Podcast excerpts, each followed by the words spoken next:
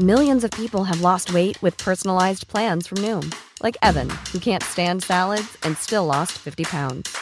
Salads, generally, for most people, are the easy button, right? For me, that wasn't an option. I never really was a salad guy. That's just not who I am. But Noom worked for me. Get your personalized plan today at Noom.com. Real Noom user compensated to provide their story.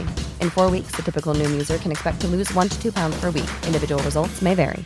Hey, it's Ryan Reynolds, and I'm here with Keith, co star of my upcoming film, If, only in theaters, May 17th. Do you want to tell people the big news?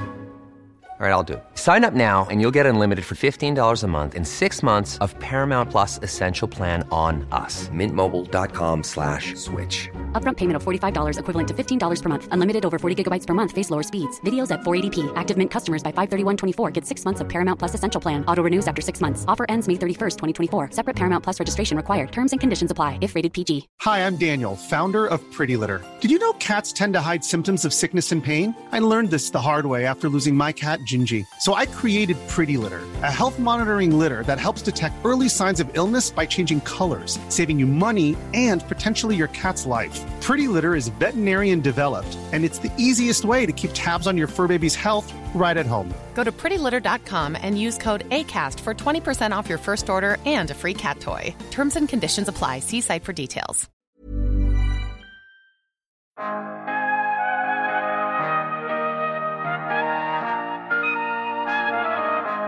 Eh, enkelresa tar sju, åtta månader. Då får man en månad borta på Mars.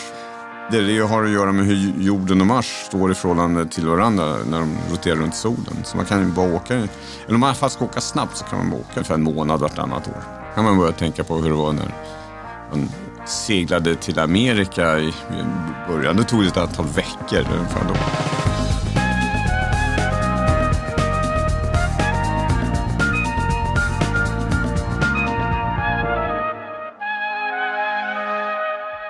Ja, hej och välkomna till podden Allt du behöver veta om ny teknik. Det här är del två i vårt rymdprogram, eller hur Anna? Precis, det var första delen var för några veckor sedan när vi hade Jessica Meir som gäst här i podden. Mm, och idag har vi originalet ska vi säga, Christer Fuglesang som var den första svensken eh, i rymden. Hej Christer! Hej hej, trevligt att vara här. Hur, hur är läget? Jo, det är bra. Är du frisk? Jag är frisk nu. Jag har skaffat mig antikroppar till, mot covid så det är bra. Då har man fixat ja, det. Precis, och lite temat här är ju vi ska prata om rymden och eh, varför man egentligen ska skicka människor ut i rymden och hur långt man kan göra det. Mm. Eh, vad har du för relation till olika rymdprojekt idag? Ja, dels är jag föreståndare på KTH Rymdcenter där vi då samlar forskare på KTH som forskar allt från att liksom, jobba med raketutveckling till hur människokroppen påverkas rymden, studerar liksom, kosmisk strålning och sånt där. Sen så är jag eh, rådgivare för Saab som tittar in i rymdmöjligheter. Och eh, så försöker jag hänga med och läsa så mycket som jag hinner med om allt som ja, försiggår i rymden. Är Sverige duktiga på det här området? Sverige är duktiga och vi har väldigt mycket duktiga människor. Eh, vi har bra företag. Det skulle kunna vara ännu bättre om vi fick mera ska säga, stöd till att utveckla det ännu mera. Det helt mer, mer, pengar helt enkelt. Så är det ju alltid. Ja. Vad är det viktigaste då för Sverige att hålla på med när det gäller olika rymdprojekt tycker du? Ja, viktigast, men, men vi, vi, ska försöka använda våra fördelar. Och vi har ju en väldig fördel med rymdcentret S-Range uppe i Kiruna. Och att bygga ut det, det blir en fantastiskt bra investering för att då ska du kunna skicka upp satelliter från Sverige. Men varför är det en fördel att eh, det ligger uppe i Kiruna då? Fördelen är att den finns. Att den finns? Och det är väldigt mycket ska jag säga, tomma ytor. Så att det, det, det är ingen stor risk att en raket slår ner någonstans. Så att eh, det, det är den största fördelen. Annars är det egentligen bättre om man kan ha en uppskjutningsbas nära ekvatorn som möjligt. Men många av de eh, satelliter som är användbara så att säga, de, de ska ändå gå i polär bana. Då kan man lika gärna skicka upp dem där uppe. Men, men varför är det en fördel att ha, vara nära ekvatorn då? Därför att då kan du ta hjälp av jordrotationen när du ska skicka upp den. Det svåraste är faktiskt inte att komma upp på en hög höjd, några hundra kilometers höjd, utan det är att få så mycket hastighet så man inte trillar ner igen. Så det här är ju för ny teknik. Som jag säga. Men om man är i låg bana så är ungefär 85 procent av energin är kinetisk energi som man måste skaffa sig. Och bara 15 procent ungefär potentiell energi. Men hur ser framtiden ut för S-Range då om du skulle få bestämma och vara med? Det är en bas där vi skickar upp satelliter med raketer från flera olika företag som nu håller på att utveckla raketer. Och eh, det skapar då rymdjobb där uppe. För Sverige. Det kommer stimulera till att göra bli så mycket mer övrigt i rymdintresse i Sverige. Så att, liksom att man har en sån grej, det stimulerar att få ringa på vattnet. Det kommer göra mycket annat också. Kommer det bli så då, tror du? Det kommer bli så. Men det går som alltid går inte så fort som jag vill att det ska gå. Men eh, staten har ju gått in och gett stöd. Det saknas väl fortfarande allt som behövs. Eh, men, men, men eh, det kommer bli. Eh, det gör det. Och sen hoppas jag också att vi kan utveckla det mot eh, rymdturism där uppifrån. Så att säga. Då skickar vi inte upp människor i bana runt jorden men kan göra de här första som vi kallar rymdskutt. Alltså man kommer upp över 100 km höjd, det är där vi ser att per definition börjar rymden. Man kan uppleva tyngdlösheten 3-4 minuter och så tillbaka. Och det här har ju pratats om i många år nu men det har fortfarande inte kommit igång riktigt. Men när det väl kommer igång så hoppas jag liksom att eh, i Sverige blir en av de första platserna utanför USA där man gör det här. Ja, men jag känner igen det där. Vi har ju skrivit många artiklar i ny, på Ny Teknik om det här liksom att inom nå, de så många år så kommer det här bli möjligt och så mm. händer det inte så mycket. Men om jag tänker på diskussionen vi har nu idag om eh, klimatförändringar och utsläpp och flyg, flygresor överhuvudtaget, hur, hur liksom klokt är det att ha rymdturism de med utsläpp? De är fullständigt marginella. Eh, det, det, är ju klart att när eh, vi börjar skicka upp eh, miljontals människor i rymden och vi skickar mycket, lika mycket rymdskepp som vi idag skickar flygplan. Då måste man förhålla sig och göra någonting åt det. Men eh, då får vi se till att vi har nått en punkt där vi kan framställa bränslet som används i rymdraketerna på ett grönt sätt. Och det kan man göra. Man kan använda framförallt det mest effektiva av alla kemiska ämnen. Flytande syre, flytande väte som ger vatten. Eh, som i alla fall inte ger någon koldioxidutsläpp. Så att eh, det, är, det, det, är inte så mycket. Jag har faktiskt räknat lite på det här därför att jag håller på och, och, och skissar på en förslag där man faktiskt skulle försöka i värsta fall kunna hjälpa till att hålla temperaturen nere på jorden ifall det blir för mycket eh, växthuseffekt genom att skicka upp stora parasoll i rymden. Och det är klart, det är väldigt mycket man behöver skicka upp då. Då pratar vi om liksom, eh, tusentals om dagen under 20 års tid. Eh, och, och, då måste man ju faktiskt räkna på att eh, det, det inte skapar inte mera koldioxid i luften, i atmosfären, än du kan hjälpa till här och så bromsar jag. Men, men det, det, är fortfarande med de mängderna så är det försumbart jämfört med vad som görs idag med, med, med eh, flygplan och bilar. Vi nämnde ju då att Jessica Meir hade varit här hos oss i podden för några veckor sedan.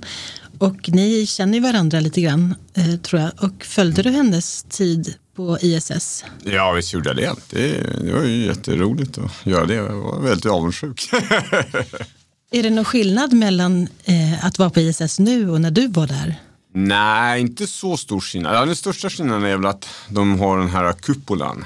Det fantastiska utsikts... Eh, rummet kan man väl kalla det, med stora fönster så man ser jorden väldigt fint. Det fanns inte när jag var där. Däremot så hade rymdfärjan väldigt fina fönster så man kunde se jorden väldigt bra från den. Eh, då, då.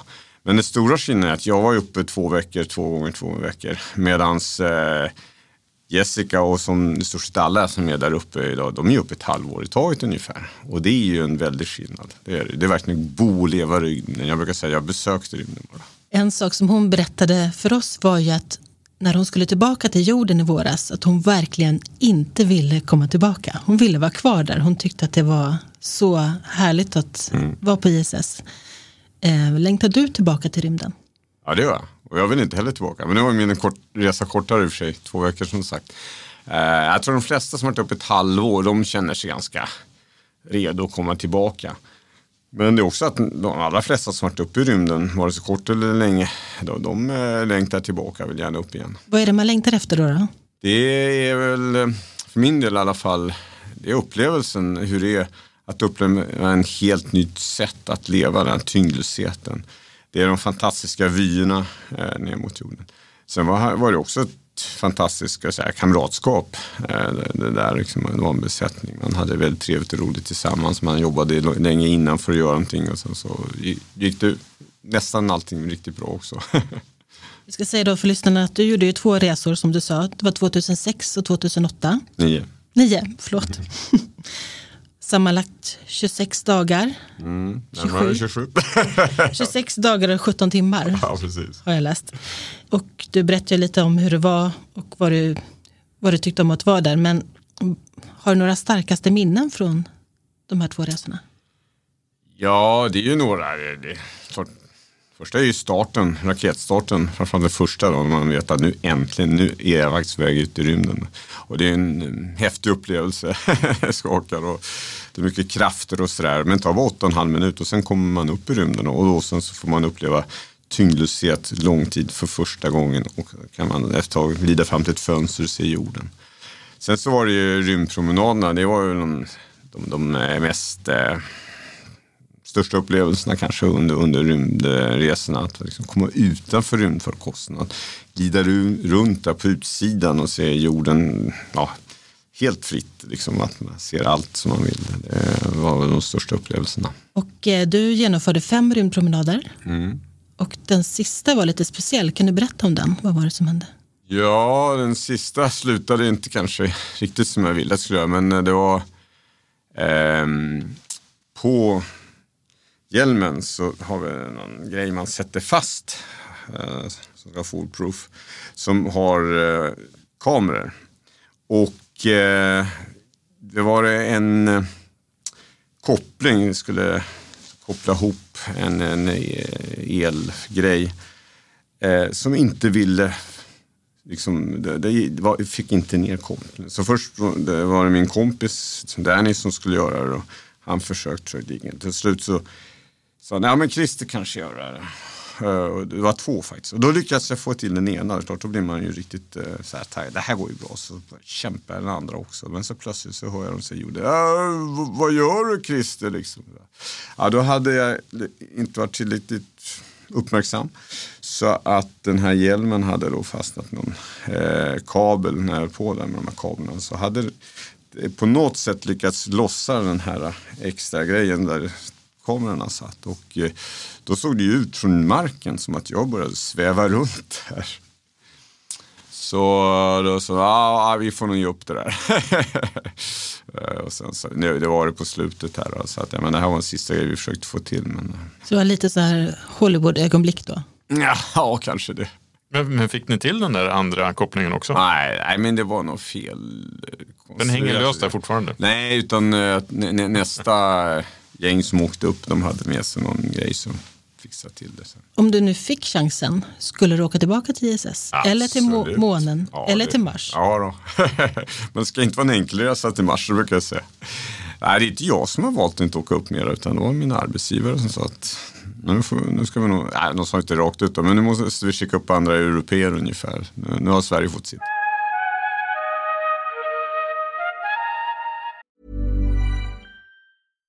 Hi, I'm Daniel, founder of Pretty Litter. Cats and cat owners deserve better than any old-fashioned litter. That's why I teamed up with scientists and veterinarians to create Pretty Litter. Its innovative crystal formula has superior odor control and weighs up to 80% less than clay litter.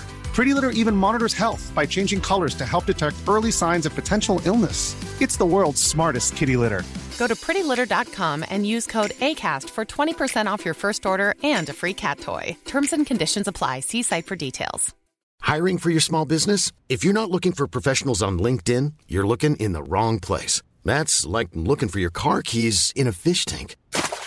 LinkedIn helps you hire professionals you can't find anywhere else, even those who aren't actively searching for a new job but might be open to the perfect role. In a given month, over 70% of LinkedIn users don't even visit other leading job sites. So start looking in the right place. With LinkedIn, you can hire professionals like a professional. Post your free job on linkedin.com slash people today.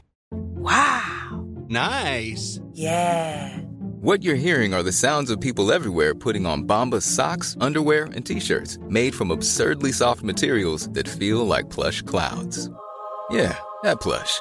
And the best part? For every item you purchase, Bombas donates another to someone facing homelessness. Bombas. Big comfort for everyone. Go to bombas.com slash ACAST and use code ACAST for 20% off your first purchase. That's bombas.com slash ACAST. Code ACAST. Many of us have those stubborn pounds that seem impossible to lose, no matter how good we eat or how hard we work out. My solution is PlushCare. PlushCare is a leading telehealth provider with doctors who are there for you day and night to partner with you in your weight loss journey. They can prescribe FDA-approved weight loss medications like Wagovi and Zepbound for those who qualify. Plus, they accept most insurance plans. To get started, visit plushcare.com slash weight loss. That's plushcare.com slash weight loss. Hey, it's Ryan Reynolds, and I'm here with Keith, co star of my upcoming film, If, only in theaters, May 17th. Do you want to tell people the big news? All right, I'll do. Sign up now and you'll get unlimited for $15 a month in six months of Paramount Plus Essential Plan on us. Mintmobile.com slash switch. Upfront payment of $45 equivalent to $15 per month. Unlimited over 40 gigabytes per month. Face lower speeds. Videos at 480p. Active Mint customers by 531.24 get six months of Paramount Plus Essential Plan. Auto renews after six months. Offer ends May 31st, 2024. Separate Paramount Plus registration required. Terms and conditions apply if rated PG.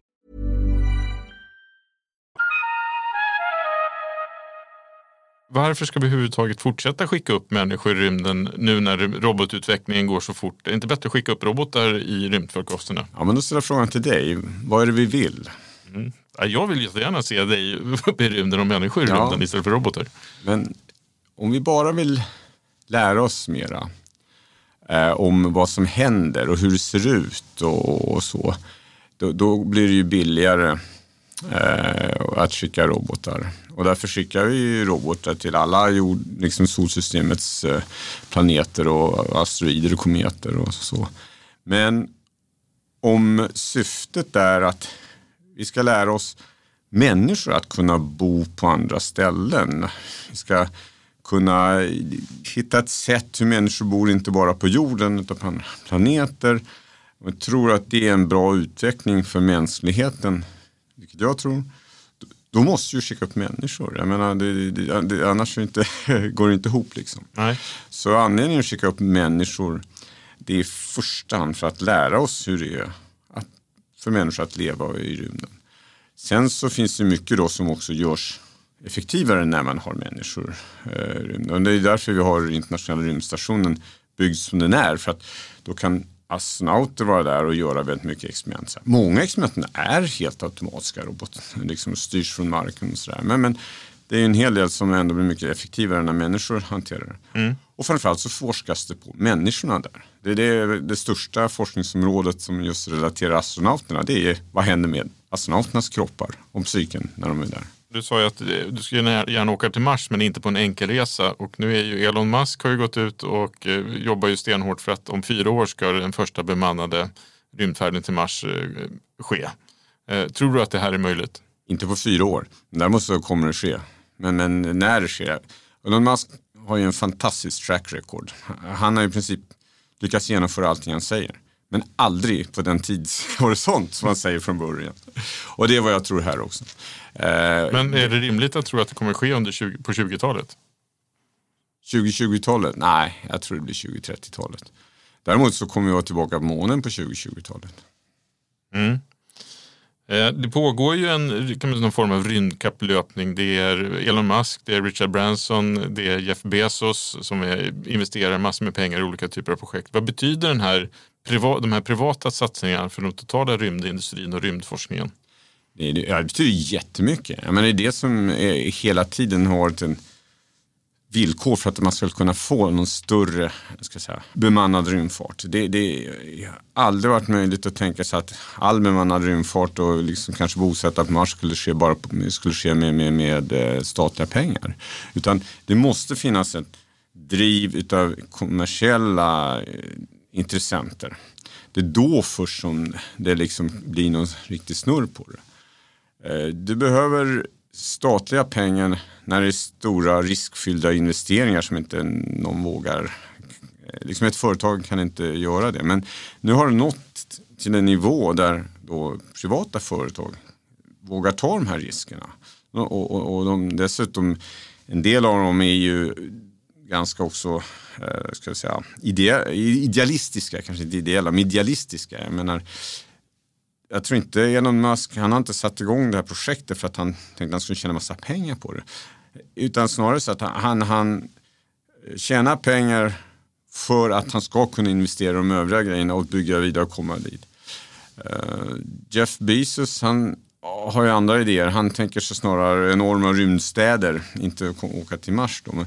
Men han är också lite eh, idealistisk där att han han hade möjlighet att skapa sitt finansiella imperium därför att det fanns en infrastruktur som heter internet eller webb. Och det gav honom möjlighet att bygga det här Amazon. Nu vill han ge andra människor, unga, framtiden liknande möjligheter genom att skapa en infrastruktur som finns för rymden som någon annan då kan komma och få bra idéer och, och, och bygga vidare på. Så att det, det, det, är tack vare de här alltså. och jag skulle inte vilja kalla det rymdrace. Jag menar, det är väl lite grann som så här, ja, det är bilrace mellan olika bilfabriker som bygger bilar och sådär. Ja, är det ett race? Det vet jag inte riktigt. Det, så ska jag inte kalla det. Nej. Eh, samtidigt som de här då privata aktörerna är aktiva så börjar fler och fler nationer bli också bli aktiva och i olika rymdprogram. Vad, vad betyder det? Exempelvis både Kina, USA och Förenade Arabemiraten skickar upp sonder nu. Ja, det speglar det här att, att, att det blir lättare och billigare att skicka upp grejer. Och det blir fler och fler då som tar chansen. Rymd har också alltid varit ett eh, prestigeområde så att säga. Så att många länder vill gärna då vara med eh, och visa att vi är duktiga, vi kan göra det här. Och, och eh, eh det, det, är ju därför, så att där är det kanske en lite mera nytt rymdrace så att säga. Att Kina har kommit upp och i dagens läge så att säga världens näst största framstående rymdnation efter USA. Gått om Ryssland. Eh, och, och, eh, det är helt klart att Kina har en tydlig ambition att själv då, de håller på att bygga en rymdstation nu. De håller på rätt mycket med utforskning av månen. De har inte sagt att de ska skicka människor till månen men alla förväntar sig att de, det är det som liksom ligger i deras plan så att säga. Så, och, och, det har nog, eh, eller det har nog mer än nog, det har garanterat triggat på att USA, då USAs eh, stat, eh, då, eh, eh, vad säger man, administration, regering, presidenten har, har, sagt att ja, men, eh, vi ska satsa på det här också, vi ska liksom satsa mera än man har gjort på ett tag. Kan du föreställa dig hur det blir att resa till Mars? Hur, hur kommer en resa gå till och hur kommer det att vara att genomföra den och hur kommer det vara att vistas på Mars? Ja, de första kommer antagligen använda dagens raketteknologi och då betyder det att eh, enkelresa tar sju, åtta månader. Eh, snabbaste tur och turresan blir ett och ett halvt år. Eh, och större den tiden då eh, tillbringar man i tyngdlöshet i eh, rymdfarkosten. Så, så att jag menar, det så blir det som att vara på internationella rymdstationen under väldigt lång tid. Den här korta resan, ett och ett halvt år, då får man en månad borta på Mars. Och det är inte ens säkert att man allra första då gången kommer ens åka ner och landa där, eller om alla landar. Det, så kommer det vara i början. Sen så börjar man väl då ganska tidigt antagligen börja bygga någon slags bas där, därför att det är så långa resor. som börjar man få. Och då Nästa steg, eller eh, näst kortaste, det är tre år. Och det här att eh, det inte går att välja lite med tider, det har att göra med hur jorden och Mars står i förhållande till varandra när de roterar runt solen. Så man kan ju bara åka, eller om man i alla fall ska åka snabbt så kan man bara åka för en månad vartannat år. Så att eh, nästa gång så åker man antagligen dit och, och så är man där ett och ett halvt år, sen eh, åker man tillbaka. Och då har man skickat dit massa grejer i förväg. Eh, så, så, att det finns liksom ordentligt med förnödenheter och reservdelar och det finns redan eh, bränsle för att åka tillbaka. Så man, man, det som är A och O fram på sikt är hela tiden, det är att man kan bygga upp system så att man kan utnyttja resurser som finns på platsen. Så att man inte behöver ta med sig allting från jorden. Alltså, och, och, det finns ju som man då kan skapa sig raketbränsle för hemvägen. Man, man kan liksom ta, göra syre från, från koldioxiden. Eh, man kan skapa sig vatten och sånt där. Ja, vatten vet vi att det finns på Mars men hur lätt det är sig vet vi väl inte ännu så att säga. Sen så tror jag ju att så småningom så kommer man att utveckla bättre raketteknologi. Så då kommer det inte behöva ta månader utan då kommer vi prata om veckor istället. Eh, att åka från jorden till Mars eh, eller tillbaka. kan man börja tänka på hur det var när man seglade till Amerika i början. Det tog ett antal veckor. Då var vi på de tidsskalorna. Men du sa i, på frågan eh, om varför människor ska vara i rymden så sa du att det är liksom en framtid du, du ser som möjlig och önskvärd. Liksom.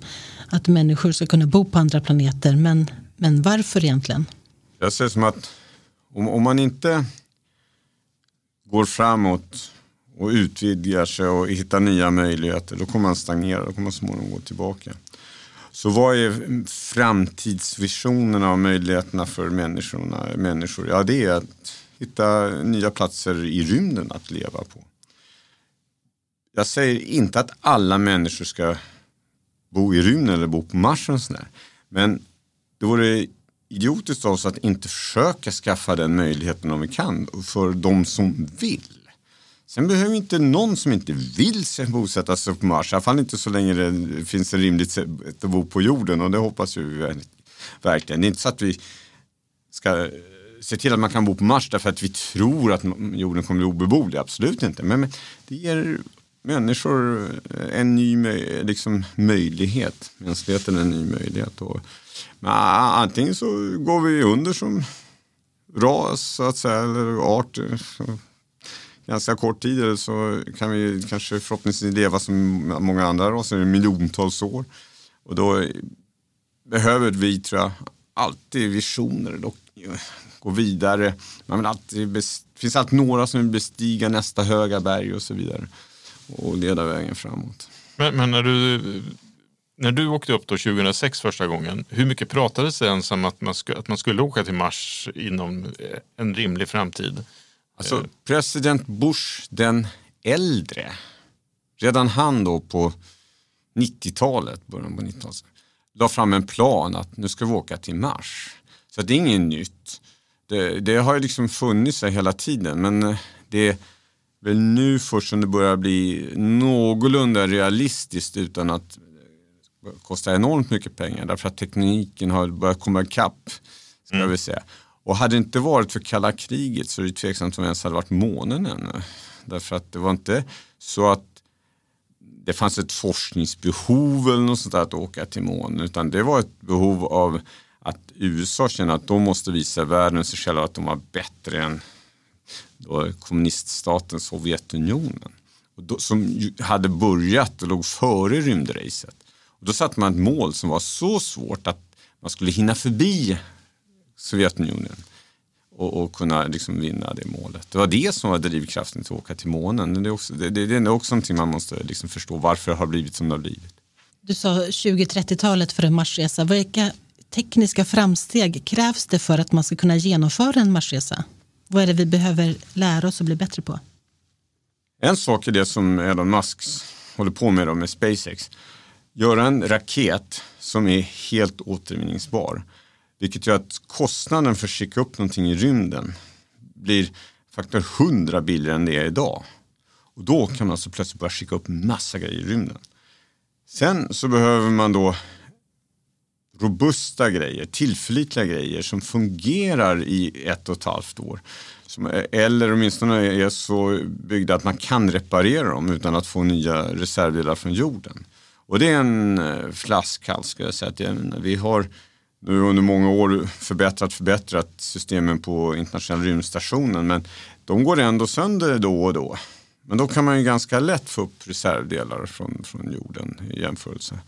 Eh, och är det riktigt illa, ja, då har man alltid sin reserv eh, livbåt med sig kan man säga. Man, har, man är aldrig där utan en farkost man kan åka tillbaka med. Så man kan vara på sjukhus inom 24 timmar.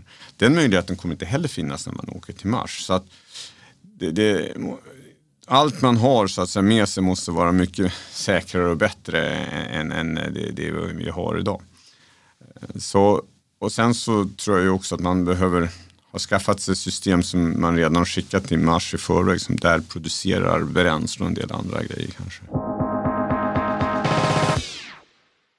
Med coronapandemin som vi pratade om i början, vad skulle hända om man i en besättning på resan till Mars får med sig en, en allvarlig och en smittsam sjukdom?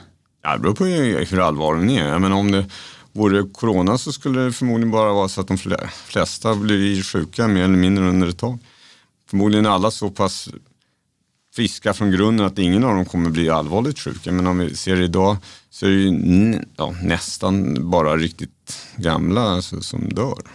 Men det är klart att det finns, kan finnas ännu värre sjukdomar man kan få med sig. Men det går ju alltid att hitta på scenarier där vad som helst kan hända. Men det måste ju ha förekommit att astronauter har blivit sjuka på ISS? Ja, det, det har eh, nog lite grann. Men aldrig någonting eh, som har varit så illa att man har behövt ta ner någon i förväg. Däremot så vet jag att ryssarna, ryssarna har haft rymdstationer ända sedan början på 70-talet. Eh, man säger att ja, nu har vi haft rymdstationen ISS permanent bemannad över 20 år. Ja, det är ju sant. Men om man går tillbaka så har vi haft människor i rymden större delen av de senaste 50 åren faktiskt. Men, eh, och där vet jag att eh, det har varit ett eller ett par fall där man har tagit ner folk. Om man tänker sig de här första marsresorna som är just så här långa. Hur, hur ska man tänka när det gäller att sätta ihop en besättning som ska fungera? Vad behöver den ha för kunskaper? Vad behöver den ha för personligheter? Ja, jag, jag är inte psykolog, men eh, det behövs ju absolut folk som är duktiga på att samarbeta. Det jag, och det försöker man se till när man väljer ut astronauter. Det har man alltid försökt se, se till eh, att det är det. Kanske inte de allra första för då var det ofta bara en, the, the, right stuff, eh, enskilda piloterna. Men, men eh, sen, sen dess har man gjort det. Sen vill man ju ha en, en mix så att säga. Så att, absolut en läkare om det åker till Mars och det, vill det är också så att vi vill passa på att göra forskning så att det vore smart att ha någon, kanske en, en geolog, man vill ha någon riktigt smarta ingenjörer, eh, datafolk, man vill ha någon som är väldigt eh, ska säga, smart, mjuk men ändå kan vara fast som behövs som befälhavare. Eh, det vill ha nog en lagom blandning, lika mycket killar som tjejer skulle gissa på. Eh, så det, det, är väl några sånt man vill eh, man vill liksom mixa ihop det. Är det någon typ av personlighet man inte vill ha med sig till Mars? Oh ja, det så många man kan tänka sig. Du kan tänka säkert många av dina vänner som du inte skulle vilja ha med, så det är nog inga problem. Det, det finns ju någonting som heter overview effekt och eh, det som är något som rymdfarare sägs bli påverkade av när de ser jorden på håll. Vad, vad innebär egentligen den här effekten? Har du upplevt den? Ja, kanske lite grann. Eh, tanken är ju att man ser hur eh, skör jorden är, hur liten den är. Och det, de som drabbades kanske mest och först av det, det var nog eh, de första månfararna. Då hade ju, ingen hade ju sett faktiskt att jorden, jorden som så liten. Eh, jag menar, det var inte mycket större än vad månen är härifrån. Eh, och det och då fanns inga bilder på det heller. När, när, när, man åker upp i rymden idag så har man ju sett väldigt mycket alla de här bilderna. Så man vet ju ungefär vad man förväntar sig. Trots det så klart att det blir det är alltid speciellt när man ser det med egna ögon. Och, och, och, och man ser liksom hur tunn atmosfären är. Man ser inga gränser. Det tar bara, även om vi inte är långt bort så att jorden ser liten ut så tar det bara 90 minuter att åka ett varv runt jorden och då får man ju en känsla att det, den, den är inte så stor. Och så vet vi vad som pågår där nere. Och liksom känner att vi, det här måste man ju ta hand om. Det här måste vi ta hand om tillsammans. Precis som när jag var uppe då andra resan, då var vi 13 astronauter från fem olika länder eh, på den internationella rymdstationen. Och vi jobbade tillsammans, löste problemen tillsammans och allt sånt där. Och då, då känner man att det här måste vi göra samma sak nere på jorden. Mm. Eh, har, ditt liv, har du ändrat eller har ditt liv på något sätt förändrats sen du kom tillbaka jämfört med den du var före du åkte upp? Ja, det är så svårt att säga. Jag menar, allt man gör påverkas, men ja, jag menar, det är antagligen det som gjort mest har blivit förändrat, det är all den uppmärksamhet som det har väckt. Så att säga. Det har gett mig helt andra möjligheter och fått ett annat liv än jag så att säga, hade innan. Då, då. Mm. Men eh, hur mycket psykiskt så säga, då, som jag skulle ha påverkats av resan i sig som har ändrat. Det tycker jag det är väldigt svårt att säga. Mm. In, vi ska snart avsluta för vi vet att du har, eh, ska iväg på ett annat möte. Men innan eh, vi skulle träffa dig så berättade jag för min son som är tio år att du skulle komma till podden. Och undrade om han kunde ställa, ville ställa en fråga. Och då var det, eh, hans fråga är, finns det liv i rymden någon annanstans än på jorden? Det är jag alldeles övertygad om att det och det är i stort sett alla forskare övertygade om. Sen är det frågan om var och hur nära, vilken typ av liv så att säga. Enkla livsformer kan mycket väl finnas på andra ställen i vårt solsystem. Vi har inte liksom spanat in Mars tillräckligt mycket. Vi vet att det finns månar runt Jupiter som har vatten, där skulle det kunna finnas liv. Eh, men, men då, då är det sannolikt bara väldigt typ mikrober och någonting i den stilen. Jag är också övertygad om att det finns Eh, jag kallar det intelligent, om vi nu tycker att vi är intelligenta, men någon slags civilisation då på andra ställen också. Men eh, det är nog så att det är så sällsynt att eh, vi kanske aldrig får kontakt med några. Vi är kanske de enda som just nu i alla fall har en civilisation i hela vår galax, Vintergatan. Och sen finns det lika många galaxer inom vårt observerbara universum som finns stjärnor här i, i Vintergatan, så ett antal hundra miljarder. Så att sannolikheten att det inte skulle finnas civilisation någon annanstans också, det, det, det anser jag vara liksom, eh, noll. Då, då. Men kommer vi någon gång få kontakt med dem? Är de inte så nära? Ja, antagligen inte, i alla fall inte på väldigt lång tid. Eh, innan vi avslutar så sista frågan. Vi pratar 2030 så eh, kanske, 2030-talet kanske vi kan landa på Mars. Men nu månen, tror du att vi klarar det 2024 tror jag det är va? Som är målet, 2025? Målet är 2024 men jag, det kommer inte ske, det är helt övertygad om. Anledningen är att eh, NASA kommer inte få så mycket pengar eh, till resurser som behövs för att klara av att göra det i tid. Det är inte lika viktigt idag för USA att kunna göra 2024 som det var på 60-talet att göra 1969. Eh, så, eh, därför tror jag inte det kommer ske 2024 men det kommer antagligen ske några år senare, 26, 27, 28 däromkring.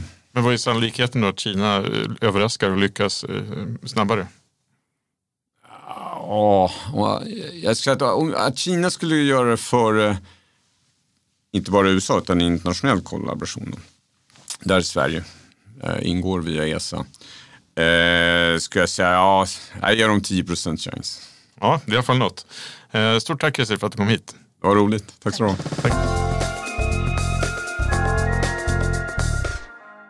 Då tackar vi Christer Fuglesang för att han tog sig tid att komma förbi Ny Tekniks poddstudio här på Fleminggatan i Stockholm. Det här var ju del två av våra rymdavsnitt. Det första handlade om Jessica Meyers och hennes färd upp till den internationella rymdstationen ISS. Avsnittet finner du på alla vanliga poddplattformar och givetvis på nyteknik.se. Klicka gärna på prenumerera så missar du inget avsnitt och tipsa gärna andra som du tycker bör lyssna på den här podden. Vi är tillbaka till nästa vecka som vanligt. Tack så mycket. Hej då!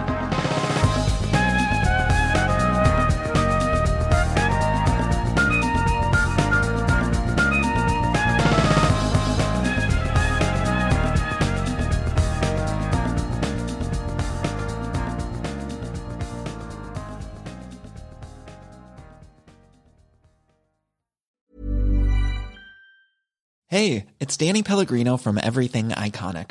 Ready to upgrade your style game without blowing your budget? Check out Quince. They've got all the good stuff shirts and polos, activewear, and fine leather goods, all at 50 to 80% less than other high end brands. And the best part? They're all about safe, ethical, and responsible manufacturing. Get that luxury vibe without the luxury price tag.